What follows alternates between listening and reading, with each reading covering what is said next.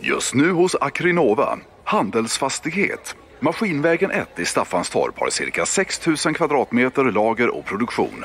Läs mer på akrinova.se. Och du, Akrinova stavas med C. Den tavlan där, är det från... eh, Är det din från början eller är det... Uh, nej, utan det kommer från Malenas sida då. Ja. Och det är ju en eh, brodering som hennes eh, mors syster har gjort då. Ja, ja. Det är ju någon, eh, ska ju vara då utifrån någon gammal sägen eller någonting. Åh fan. Så det är någon nymf och så är det någon, eh, ja allt vad det är, olika sorters eh, Ja, skogsvarelser och, och, och myter och sammanblandat i ett. Då. Ja, ja, de har samlats på några torg där och... och... Ja precis, det ska väl vara någon eh, med någon skogsbakgrund där och, Ja. och sådär. Just det. Så Det är blir någon slags medeltida Ja, motiv då. precis. Nu vet jag jättekunnig om det här och, och påläst och sådär men det ska ju vara... eh, Ja, och då finns det lite symbolik i detta då och, och det är ju säkert sånt man kan läsa sig till. eh. Ja. Eh, Så det är ju ingenting jag har gjort då. Utan, Ja, eh, Men jag kan tycka den är fräck. Det är mycket färger och, och Ja. lite roligt att ha i- inne i köket så att det blir livligt och sådär. Så Ja. det De måste ju en jävla tid också och...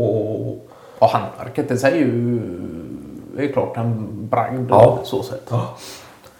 Jag vet inte om det är någon om den är vävd eh, eller om den är broderad eh, Nej. också då eller både och då. ja, just det. Eh, Men där ser man ju att det är partier egentligen av mm, brodering på någon sorts vävnad. Ja, just det. Ja. Och någon slags kombination där, ja.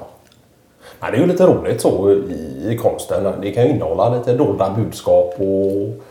Ja, just det. Och ibland tror man sig se en sak och så kollar man närmare så är det något helt annat. Ja, men det är ju skoj faktiskt. Det, Ja. det är lite kul med en sån lurig konst på det sättet att man kan eh, lura ögat och, och Ja.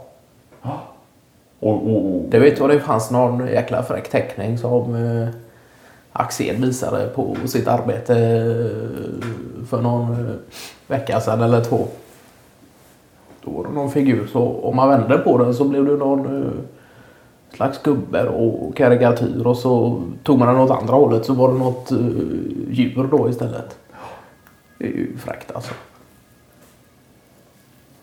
Ja, och där krä- krävs det ju en konstnärlig list och, och Ja. någon slags teknik och, och ett öga som eh, inte alla har. Ja, det är ju klart. Och det är...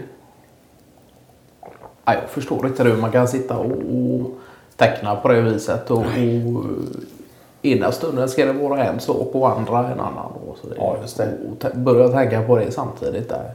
Ja, jag vet inte hur det går till. Det, ja, det är fräckt och det är skoj.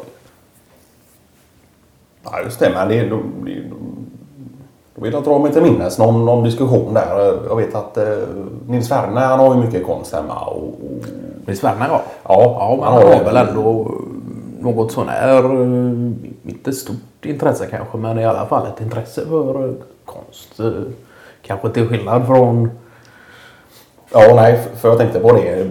Det var ju någon gång där när eh, han har ju satt upp en del vid sin kontorsplats och, och, och har lite ja, tryck och olika grejer och sådär.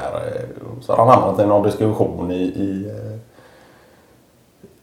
med Askog då. ja, Och Askog påstod ju det och, och, och kom med frågan att om han ramar in sina ritningar och, och Excel-dokument och sådär. Vad är det då som avgör att det inte räknas som konst då?